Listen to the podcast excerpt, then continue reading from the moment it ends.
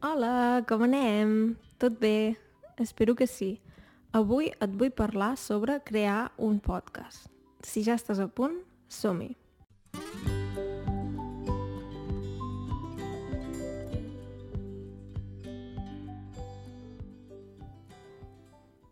Moltes gràcies als meus patrons i als que em doneu suport a Ko-Fi. M'ajudeu de veritat a seguir amb aquest projecte uh, perquè em, em motiveu a continuar i m'adono que, que serveix, que a la gent li, li agrada, vaja. I res, um, avui us vull parlar sobre crear un podcast. Penso que és un tema interessant. Um, crec que és una manera de crear el teu propi programa de ràdio que, que fa anys no era possible. Ara qualsevol pot crear un podcast. Jo tampoc sóc ningú especial i vaig decidir un bon dia, mira, doncs crearé un podcast. Um, per què ho vaig fer? Bàsicament perquè el canal de YouTube, que és un canal multilingüe, em vaig adonar que, que el català tenia molt d'interès i vaig pensar, mmm, què faig? Uh, faig que el canal sigui només en català, però no en tenia ganes perquè a mi m'agraden molt les llengües i volia continuar amb un canal multilingüe, però vaig pensar, ostres, estaria bé donar-li a l'audiència més contingut en català i fer-ho d'una manera relativament fàcil. I, I vaig pensar, home, doncs un podcast és potser una bona idea. De fet, em va animar a fer-ho a uh, l'Oscar de Let's Dance que Oscar, um, és suec, i jo vaig estar una època aprenent suec i, i bé, el vaig conèixer per això. I bé, el vaig conèixer per això i vaig veure que ell es guanyava la vida creant podcast o sigui, no només ell parlant, sinó que ell, com que és músic, posa la música, fa muntatge de podcast i tot això, i ell també té el seu propi podcast. Um, sí, llavors um, em vaig adonar que crear un podcast era molt més fàcil que crear un canal de YouTube.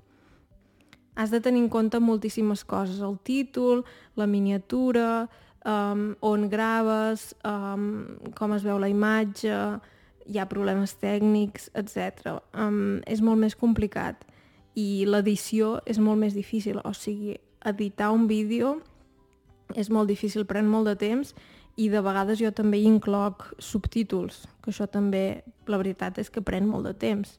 Llavors vaig dir, home, potser un podcast seria una, una bona alternativa, o més que una alternativa és com un complement, perquè he continuat fent els vídeos de YouTube, però per a les persones que aprenen català també ara hi ha el podcast.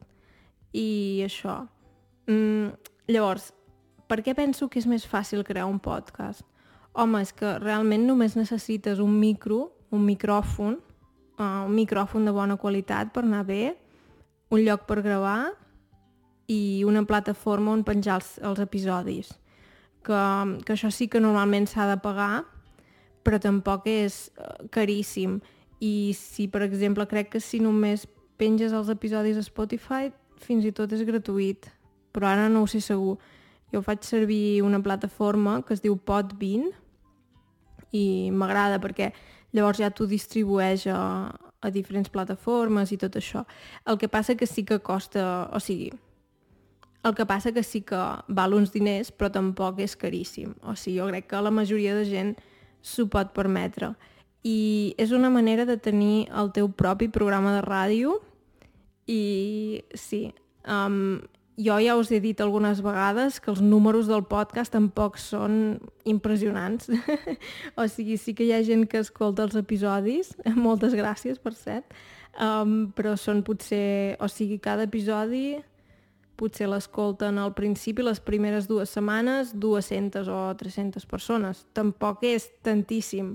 O sigui, tampoc sóc jo algú per dir-vos com crear un podcast d'èxit, perquè el meu podcast crec que està bé perquè no és que no l'escolti ningú, l'escolten això unes 200-300 persones, hi ha episodis que sí que els ha escoltat més gent, però en general um, crec que serveix per arribar a una certa audiència i potser si tu tens alguna idea, per exemple, dius m'encanta el minimalisme o m'encanta, no sé, uh, la protecció medioambiental o m'encanten els esports o uh, sóc experta en nutrició o el que sigui, o temes de psicologia. Hi ha mil temes de què parlar i crec que està molt bé perquè et dona una veu, és una veu que tens però que no fas servir.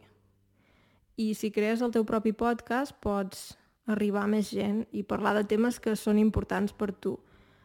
Per mi especialment són importants els idiomes, però ja ho veieu que també faig episodis sobre altres temes, uh, perquè és una cosa que m'agrada molt. Um, per exemple, del, del podcast, de l'altre podcast de suec que vaig fer servir durant un temps, uh, Simple Swedish Podcast, ell també ell parla de moltes coses de desenvolupament personal i coses així que a mi m'interessen. I llavors arriba un punt en què tu, o sigui, no sé si a tu t'ha passat amb aquest podcast o amb algun altre podcast, però arriba un punt que quan escoltes aquell podcast per aprendre un idioma t'adones que realment t'interessa escoltar el podcast perquè t'interessa també el contingut.